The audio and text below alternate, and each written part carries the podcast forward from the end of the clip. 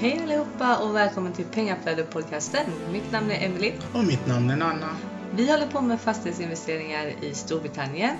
Och den här podden kommer handla om just detta och vi kommer varje vecka ta upp relevanta ämnen och intervjua personer som vi finner inspirerande. Hej och välkomna till Pengaflödet-podcasten. Today we have Chaz. How is this Chaz? Very good, thank you, Nana. How are you? I'm good, I'm good. How's UK? UK is very nice. It's been uh, pretty decent weather, uh, which is good. So yeah, yeah, everything's okay. Considering obviously we have a global pandemic, so apart from those obvious challenges, uh, things are very good. and Uh, yourself? yeah, it's good. It's uh, in Sweden. Everything is have no, nothing have changed basically since the pandemic pandemic hap- happened. so nothing here. I know that they released uh, for you to you guys to go out, out for the open, but in Sweden we never had any lockdown here. Okay, so you're staying, uh, uh, you're in lockdown, are you? No, no, no lockdown here. No lockdown. Okay, okay, fine, fine. So I, I thought this episode will be very interesting because a lot of us, our listeners, are people that invest in UK from Sweden would appreciate this because you're a accountant plus a tax specialist, right? That's right. Yes. So maybe you could introduce yourself. Okay, so uh, I always find that uh, in, interesting and challenging because there's uh, so many different things that I do. Uh, I always struggle to keep it brief, but get to the point. Uh, so I'm, an, I'm a chartered accountant by profession. I have my own accountancy firm. Uh, alongside the accountancy firm, uh, I run four other businesses, uh, ranging from a children's day nursery all the way up to a being a property developer, working on quite a few different property developments. I just finished off uh, converting 21 flats uh, and also uh, five two-bedroom flats. We're now working on converting a commercial building into 12 flats, six one-bedroom and six two-bedroom. After that, I've got uh, two other developments uh, in the pipeline which we're buying. So you know, we're just going through the full planning stage. One of them is up to 40 houses. So, so that's some of the stuff that I do uh, in business. Uh, and we specialize in working with property investors and property developers. I've written a, a tax book. I've written a, a few of the books. Uh, reasonably uh, busy on social media, on Facebook, uh, Twitter, YouTube, Instagram, LinkedIn, uh, sharing information, knowledge, experience, expertise. Uh, so that's in a, in a, nutshell and as quickly as quickly as I could do it. Uh, my introduction, if that helps, Nana. Yeah, that's a really big portfolio or or deals that you have going on. So Yeah, just uh, I guess yeah, I find it interesting. You see, and because I'm in I'm in that business in terms of helping property investors, helping property developers. Uh, I've always had a, a keen interest. Uh, so I don't think there's any better way, in my opinion, and others might disagree, to be an advisor, but at the same time to also be on that journey. I think that creates a, a lot of affinity. You get to understand other people's journeys, their their struggles, their challenges, their opportunities, how they think, uh, the kind of blocks they they come across, uh, and the things that I learn on my journey as a property investor. My clients find that the most interesting and the most useful, which is really good. Yeah, that is really good because I mean, as an investor, you really would like to have a, a tax and accountant that understand investment or do investments as uh, themselves, so you can discuss it with them. Yeah, absolutely, and and that helps a lot. So so that's a secondary benefit. The main is I love property and I love all things related to property, and that's what uh, I've uh, taken a, a keen interest in property developers, investors, but also in being a property investor myself. As an investor, should we get a bookkeeper? Yes, I mean it. It depends. If you're saying should we get a in-house to look after our affairs, or do we need a bookkeeper? Full stop. You do need a bookkeeper because somebody needs to help manage your numbers and your compliance. So if you're starting off new and you've got more time on your hands uh, and not much money coming in, then it makes sense to perhaps start it off yourself, so, or at least do the basics. I mean, the real basics. Uh, uh but if you have enough income, and the quicker you get to this stage, the better. If you have enough income to then employ a bookkeeper, that's fantastic. What most people usually do is they use their accountant to do the, the bookkeeping because not only is that cost effective, uh, it's also simpler, it's quicker, and the accountant usually knows uh, how things work. So they're able to assist and support you. And they have most accountancy firms, small and large, have in-house bookkeepers. So that makes it easier. And once you get to a really large scale, I mean, really large scale, uh, where you need somebody full time uh, to do your books or even even uh, part time, then it makes sense to possibly take on a, a bookkeeper uh, in house. So you always need a bookkeeper, but the way that you take them on will be different depending on the size of your business. Yeah, definitely, definitely. So, which bookkeeping program should we as investors use? They're all pretty good. Uh, so nowadays, Nano, cloud accounting or cloud computing is very popular. So you've got Xero, you've got QuickBooks, you've got FreeAgent. There's some others out there who, who, whose names will escape my mind. I think Iris have got Cashflow, uh, but the two main ones are Xero and QuickBooks, uh, and they seem to work very well. So we work with both of those. Uh, we use Xero more than QuickBooks because uh, we started with but most of our clients are on Xero. Some of them use QuickBooks. So those are the two main ones that I would uh, say I, I come across more often than not. So, so let's say if a client find a program that they want to use, would you uh, like learn that new program or that software, or would you say you really need to? We only work with Xero or QuickBooks. So if a client says they have got their own bookkeeper or they're doing their bookkeeping and they'll give us the, like the trial balance uh, to work with, we'll work with their software, no problem whatsoever.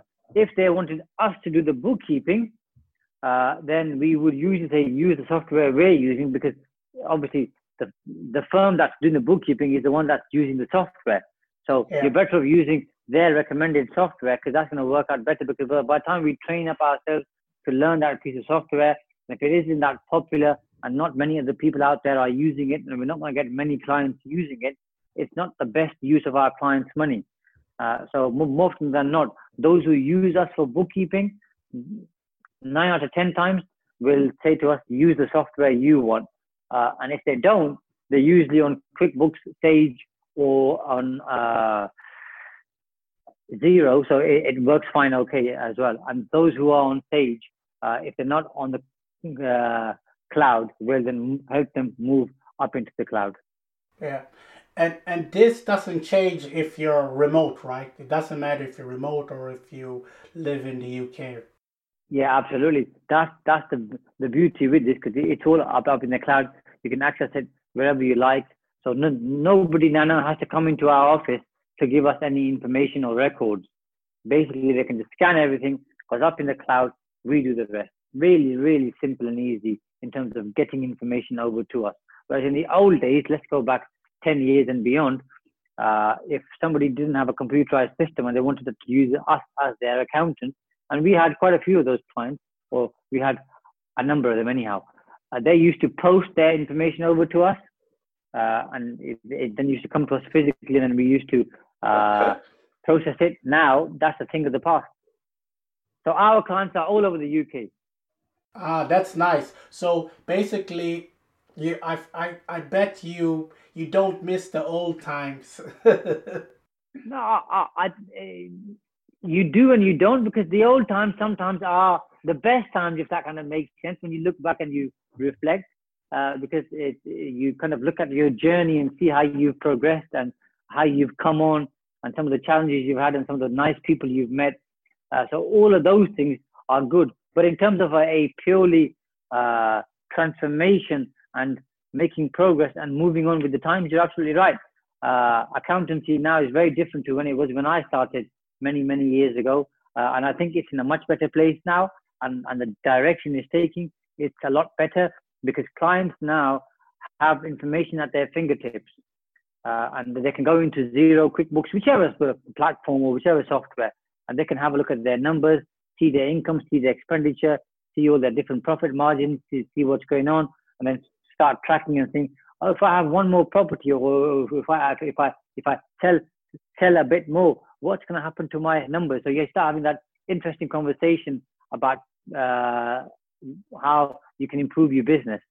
Uh, so that's really good. Yeah, yeah, that's good. So, what questions should you ask your accountant to see if they understand property?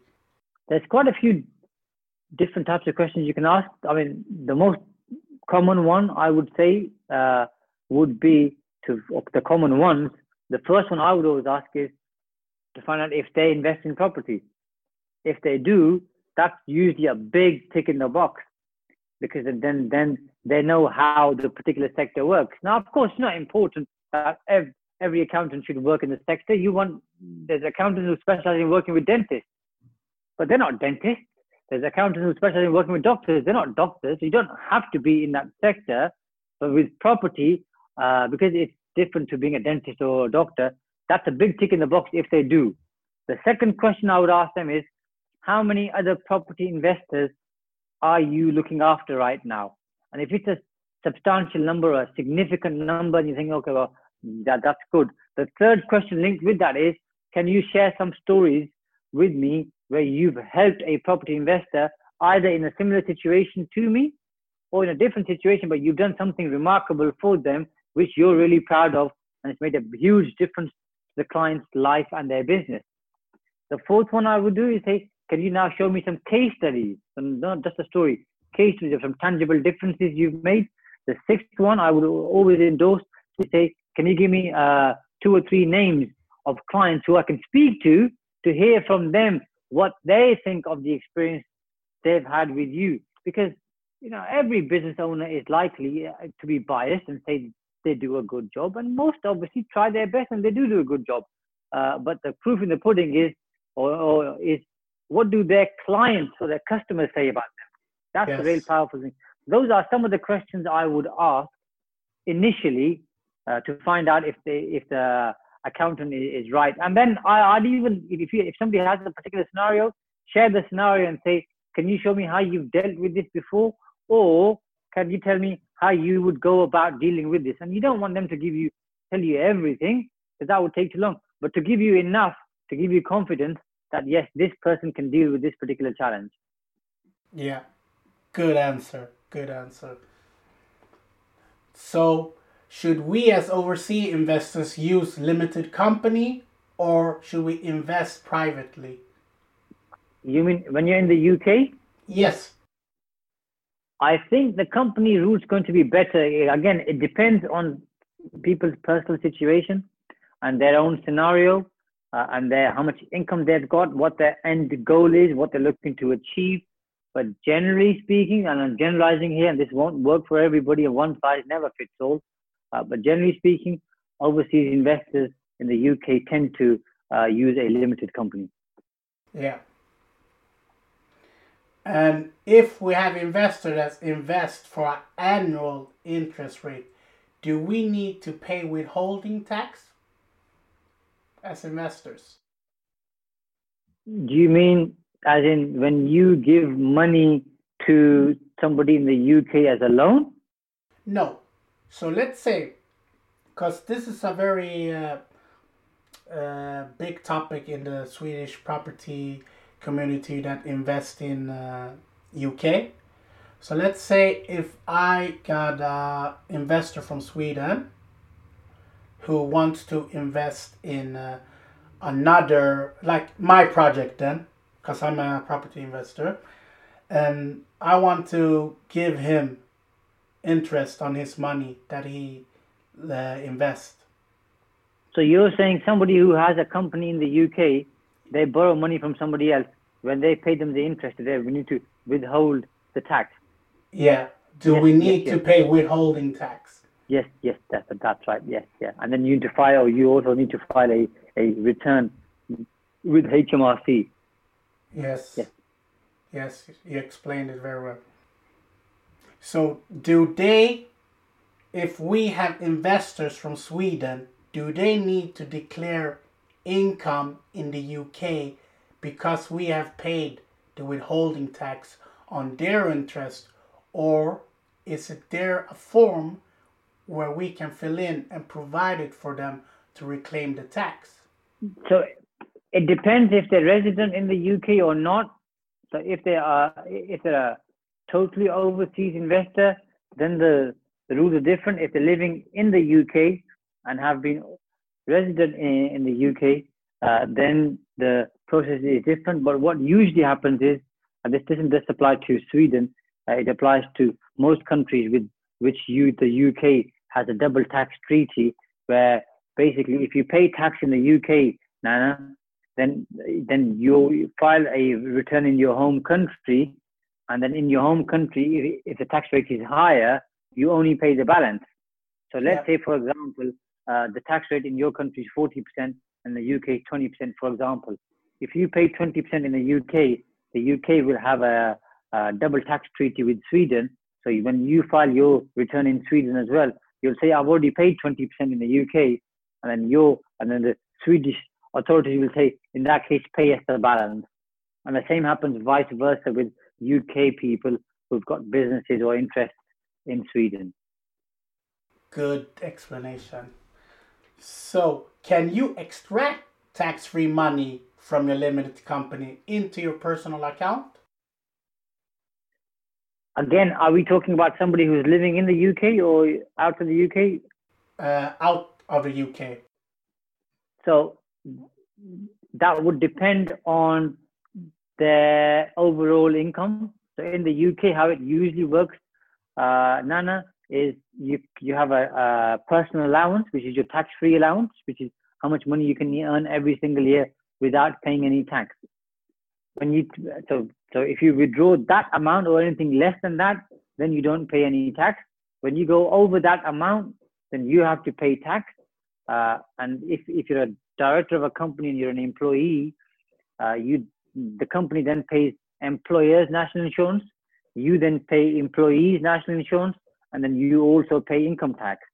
That's part of it. And usually for the smaller companies, which are called closed companies, the director is also the shareholder, so they own the company. Uh, and in, in, which case they'll take some money out by way of a salary, and the rest of the money they tend to take as a dividend. And the tax rate on dividends is different than the tax rate on uh, a salary. Uh, it's it's still income tax, but it's, it's uh, different rates. And obviously, if you're from Sweden, then depending on how much income you're making there, the amount of tax-free income you have is going to be different. So it, it depends on the on the situation. But usually, uh, people who are in the UK will take a small salary of about eight and a half, nine thousand. I think this year, in fact, it's nine and a half thousand tax-free, and then they'll take you get uh, two thousand pounds tax-free dividend every year. They'll take that, and above and beyond that, any uh, additional money they'll need, they'll take as a dividend as long as the company's made enough profit in the year or has enough in reserves to pay them a dividend. Oh, perfect. Uh, I hope I didn't complicate that too much. Otherwise, they need to listen again. we get a lot of questions about this uh, director's loans. Could you explain what it is? Director's, director's loan works two ways. One is a director gives money to the company so let's run through a scenario, Nana. You start a company, you're looking to buy a property, you need to put down a deposit to get a mortgage. Uh, so you loan your company thirty thousand pounds. We're talking uh, pound sterling. Uh, so so you loan money to the company. So and then when the, when the company has enough money, the company will repay you. Okay, that's a loan from you to the company. Uh, and when the company repays you, there's no tax to pay on that because you've already paid tax on it at some point in the past. You had the money in your bank account, you've loaned it, so you don't pay tax when the company repays you. That's the first thing. The second thing is you can then charge interest to the company for the loan that you've given it. And if that happens, you might have to pay some income tax on the interest element depending on your overall income. So that's one side of a director's loan. The other side is when you take money out of a company, but you've not declared it as a, as a salary or a bonus or a dividend, which means now you owe the company money. And in the UK, we have rules around that. And if you take out uh, money from a company, you should pay interest. If you don't pay interest, you have to file what's called a P11D, which basically means is you've had a benefit in kind. So you benefited from using the company's money, but because you haven't paid interest, the interest element is a taxable benefit. Okay, that's one side. Then the other side is if you don't repay the loan back within 10 months or nine months of the year end, okay, and, and the balance is more than 10,000 pounds, you then have to pay some section 455 tax. So you pay 32.5% tax to HMRC because you've taken the money out and you've not paid the, uh, it's, it's not declared as personal income. When you repay that money to the company, then at the at the end of that tax year, you can then ask HMRC to refund you through your tax return. Uh, and then uh, if, if HMRC need to physically return the money to you, they'll return it to you uh, after you filed the tax return. Uh, so th- th- that's the two angles or areas of loan accounts. One, money owed to you, which is usually the simpler one, uh, and one is money owed by you. Money owed by you can get complicated because if you don't do the right things in the right time, for example, if you had a if you've had a benefit in kind, you've not paid interest, you've not filed a P11D, that comes with interest and penalties. Uh, then if you haven't repaid the loan, you then have to pay the, the Section 455 tax. It's very complicated uh, if people haven't come across it before, and it causes huge problems for people, huge problems. So there, so there is an experience day for claiming it back, right? Yes, there is. That's right. There is. Yeah. yeah. And that was around nine months, or you said, right? Yeah, that's right. Nine months after the event. Yeah. So which expenses can you deduct on a director's loan? So you can okay in the UK uh, the system is simple but very complex. simple in the sense that the rule is you can claim any expense as long as it's wholly and exclusively for the purpose of your business. So if you can demonstrate that this uh, you incurred an expense in your business which is wholly and exclusively for the business, you can claim that as an expense. If you're a director and you paid for something for yourself linked with the business, then you have to prove it wholly, exclusively, and necessarily. That's an extra test you have to meet. Uh, so people quite often ask me, what can I claim? Can I claim mileage? Can I claim for using my home as an office? Can I claim for travel costs? Uh, can I claim for a mobile phone? Can I claim for stationery? Can I claim for going on a course or paying to listen to a webinar? The answer usually for those usually without getting into the specifics is yes, as long as it was for the business. With courses, it's slightly different, Nana, in the UK, because if you go on a course where you're acquiring a new skill, you, you don't have the skill before, then you can't claim it. If you go on a course where you're improving, enhancing uh, an existing skill, which in the UK we call continuing professional development. You might call it something similar in Sweden. Then you can claim for the CPD, as we call it. You can claim for that, but if it's a new skill, then you can't. So basically, you can claim everything as long as you can prove it for the business.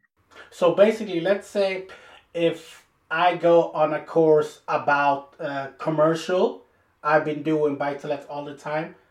Would that fit in, or it wouldn't? That that would fit in because if you if you've been doing property and you've got buy to lets, and let's say you've got ten buy to lets, and it didn't have to be ten by the way, but let's say you've got 10, 10 buy to lets, and uh, you've been doing it for seven eight years. You understand property, you understand financing, you understand repairs, maintenance, doing refurbishment. You understand the basics. What you're now trying to do is you're just trying to improve a certain part of the skill uh, which is uh, which is absolutely fine. But if you oh. if you're fresh off the block and you've never done property before and you go into a buy to let course or you go onto a commercial conversion course, then you can't claim it because you've got no existing knowledge, experience, expertise, and skill. Okay. So, what company structure should you have if you're doing different strategies? Example, flip, commercial, buy to let, HMO. Again, it depends. Uh, so in, in the UK, the four popular ones are the sole, uh, a sole trader, which is you by yourself, mm-hmm. a partnership, which is two or more people, a limited liability partnership, which is two entities or more. So it could be two people, or it could be one person and a limited company, which is called a mixed partnership, uh, or you could have a limited company. So it all depends on the situation and the circumstances, Nana, on what works best. So sometimes people are fixated on having a partnership. Others I've seen are very keen to always have a limited liability partnership, but the majority seem to be very keen to have a limited company. And the answer, uh, and the, the most sincere answer I can give you is it depends on the situation and the circumstances. So the, the, the skill is in trying to work out why somebody's doing a particular deal or transaction and then see what the end result is, see what the tax is, see what the consequences are, see what they're going to do with the money, and then work out which structure is best for them. Usually developers, because they have quite a bit going on, and as you said, looking at different property strategies, they tend to favor a limited company route because at the top they'll have a holding company and then they've created like a group structure. They've got different SPVs. Uh, SPV stands for uh, Special uh, Purpose Vehicle, which just means it's a limited company created for a particular purpose. Uh, and then they'll they'll run their different projects through different limited companies. Once that project finished, if they then sell those properties, they then close that company, move the money up into the holding company, and push it down into the new project. Hmm. But I would still say and advocate and uh, caution people and suggest and advise and politely recommend they speak to their accountant and explore all the different structures just to make sure they've always chosen the best one. Don't always assume limited is the best way to go because sometimes there might be a different outcome somebody's looking for in a particular deal and an LLP might work better. A partnership might work work better or sole trader might work better. As long as they've fully considered all the different options and then they go for the one that their accountant or their tax advisor suggests and they're comfortable with, that's fine. Good answer. I was thinking about maybe you could explain the new stamp duty regulation and the old one since since they will be coming back later after a year. That is a very good question, Nana, and it's a very wide question in scope. So what I will do for you is I'll try and keep it brief. I know you've got uh, a few of the questions, and I want to try and cover as much as I can with you. Yes. So the new rules are: if you buy a uh, property and the value of the property is less than five hundred thousand pounds, no stamp duty, land tax to pay if it's your first and only property. If it's your second or additional property, then you don't have any stamp duty to pay but you pay the ad- additional 3% rate. So if you if, if somebody's buying a uh, property for 500,000 pounds right now with the new rules, they're going to save 15,000 pounds in stamp duty land tax. It's big. Yeah. Now, once these rules are finished uh, from the 1st of April, uh, and let's say the chancellor says we're going back to the old rules, then when you buy a property, uh, if it's your first uh, and only property on the first 125,000 pounds, you pay no SDLT, and then it goes up in different tiers. Uh, if you are buying a second or additional property, then on the first 125,000 pounds, there's no SDLT as well, but you have to pay the additional 3%. And then you pay 3% on every single tier, plus whatever the standard rate for that tier is. So that's very much in, in a, like a 90 second nutshell what the new rules are. But there's a big saving to be had. And the good thing is, uh, in the past, uh, when the, the chancellors changed the rules uh, and they added on most stamp duty, it's applied to property investors only. So people who are buying their own home didn't have to pay the additional stamp duty land tax. So now, when he changed the rules uh, to relax them up until the end of March 2021, uh, I anticipated he would say this only applies to people who are buying their own home. But now he's widened it and he said this applies to buy-to-let investors. It also applies to you if you have a limited company. He's opened up to pretty much everybody, which is really good. Yeah, definitely. So how does BRR, buy, refurb, refinance, get taxed? So that gets taxed in the sense that uh, depending on how you refurbish your property, uh, did you spend that money on improving it or did you spend that money on refurbishing it? Uh, and that takes us down a very complicated path of is it a capital expense or is it a revenue expense? Uh, and I'm not too sure whether your listeners have come across that or not. A capital expense, generally speaking, you can't claim now. You can claim when you sell the property. A revenue expense is something you can claim in the year. So first you establish that, and you need a really good accountant who understands all of that. That is a, a complicated and a very much a gray area. So first you establish that to see what your costs are. Once you've uh, refurbished or improved the property, you then put it on rent. And then when the, when the rent comes in, you take off all your expenditure, including your mortgage interest and uh, any other expenditure you might have, insurance, any other potential uh, cost, agent fees, uh, accountant fees, banking fees, and then you pay the tax on the profit. Now, if you have it run it through a limited company, you can claim all the interest. If you have it in your own name uh, and you you it pushes you you into the higher rate of tax, then you don't you can't claim all the interest. But what the uh, what HMRC or the government do is you get a 20% tax credit. But to, to keep it really simple for your listeners, is you can only claim half the interest relief. So or you get half the benefit. So but if it's that, in, a, in, a, in, a, in a limited company, then you claim all the interest.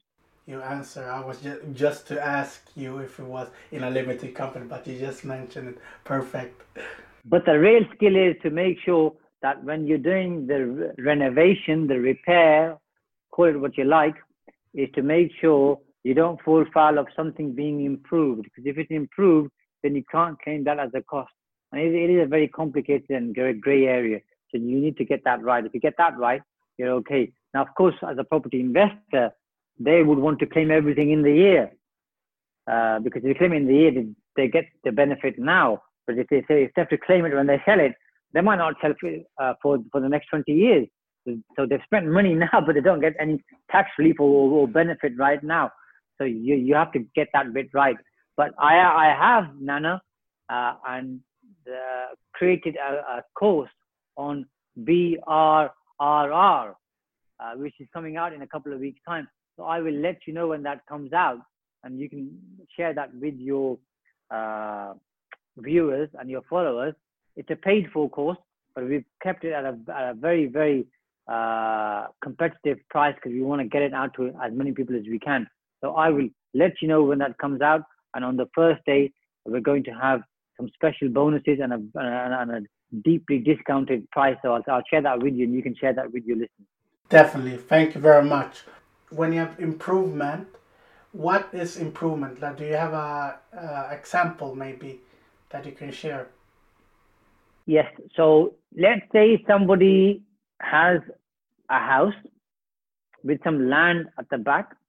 They're renovating their house, but they think, okay, at the back now we can extend and build another room. Building that another room, they've improved and enhanced the value of the property. That is not a repair or maintenance cost. Now, yeah. so, so that's one example. Now let's look inside the house. Let's say they've got a kitchen and they take out the kitchen and they replace that with a new kitchen. That would be okay. However, if the kitchen has six units they replace it with eight units. They can only claim for the six units. The other two units they're not supposed to claim for because that's an enhancement. Mm-hmm. Okay, so so those are two simple examples for you. Uh, but obviously, as you know, it gets complicated. People have concrete. People have sometimes uh, a layer, a new patio, uh, the windows, the roof. Is it a repair? Is it a maintenance? It gets very, very complicated and it's very nitty gritty. And this is why that part, especially that part, is best dealt with an accountant. Yeah. yeah and, and, an, and, and, an accountant, Nana, who's done this before many a time. Yeah, like you. I'm one of many. There are others out there as well, but you're right. Yes, that's right. So, when should a company get registered for VAT?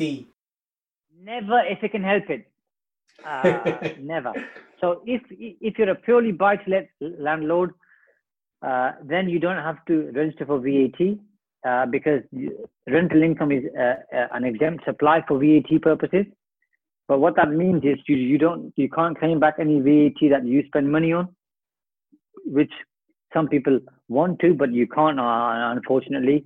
If you're a in, into serviced accommodation, uh, or if you're into rent to rent, and you're charging commission, and if you're a deal sourcer, those types of businesses, then you have to register for VAT when you go over the VAT threshold. But if you're purely uh, a buy-to-let landlord, then there's no responsibility on you to register for VAT so you don't have to, which is a good thing, by the way. Yeah, that's a really good thing. Yeah. What should we else, as overseas investors, be concerned with? So you want to be con- obviously a concerned with the tax rules and uh, and how they work.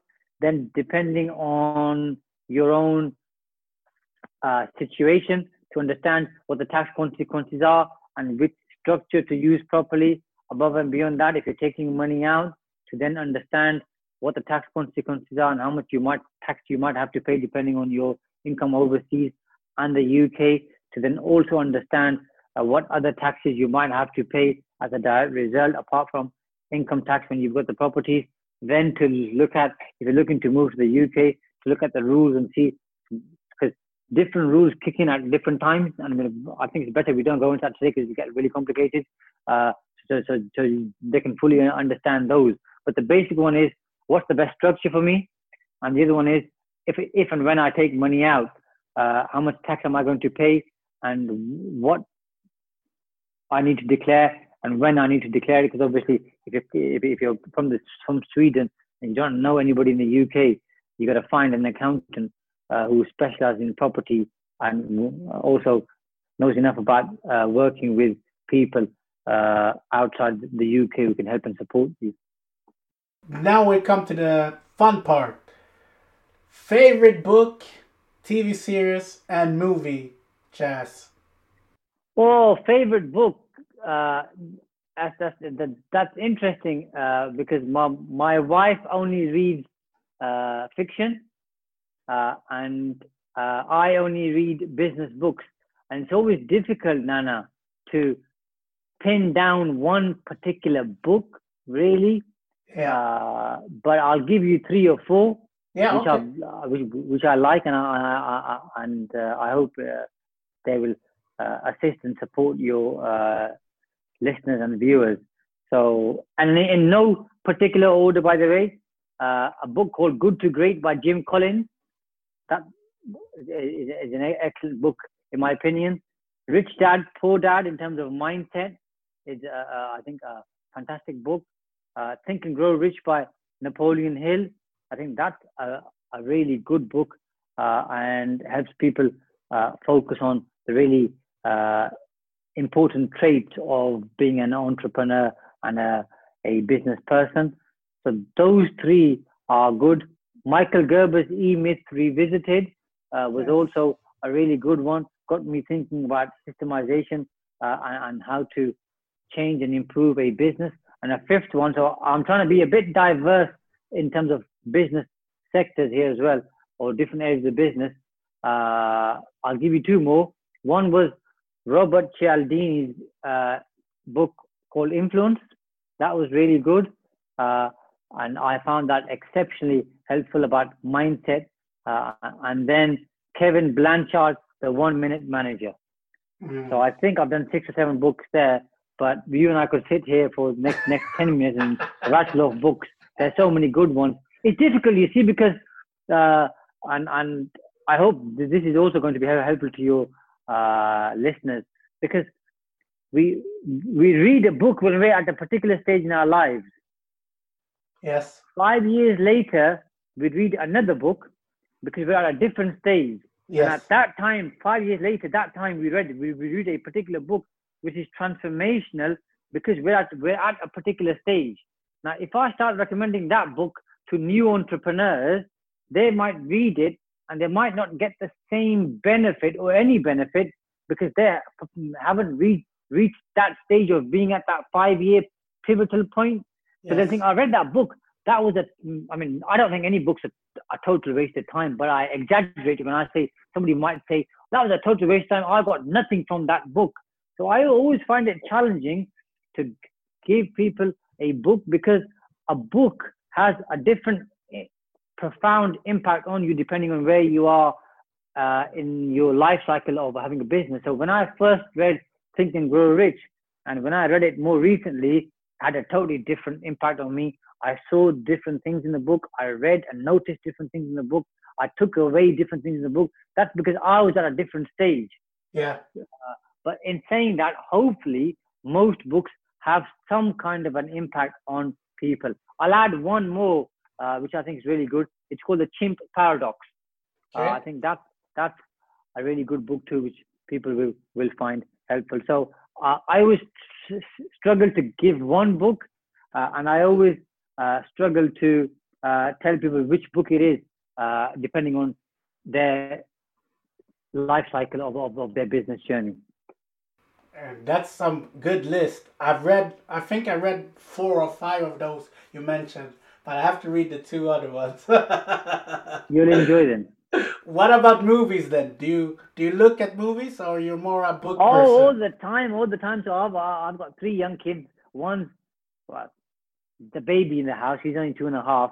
Uh, the eldest is 13, and the one younger than him is 11 and a half. So more often than not, Friday night is movie night. So when I think about all the movies I've ever watched, uh, I think quite easily for me, Shawshank Redemption is my favorite movie uh, by far.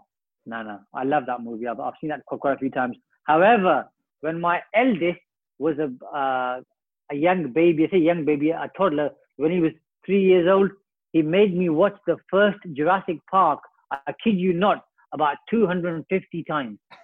Every time he would finish, Daddy Jurassic Park, Daddy, he used to love uh, Jurassic Park. So I've seen that movie more, I think, than most other people in the world. a lot, a lot.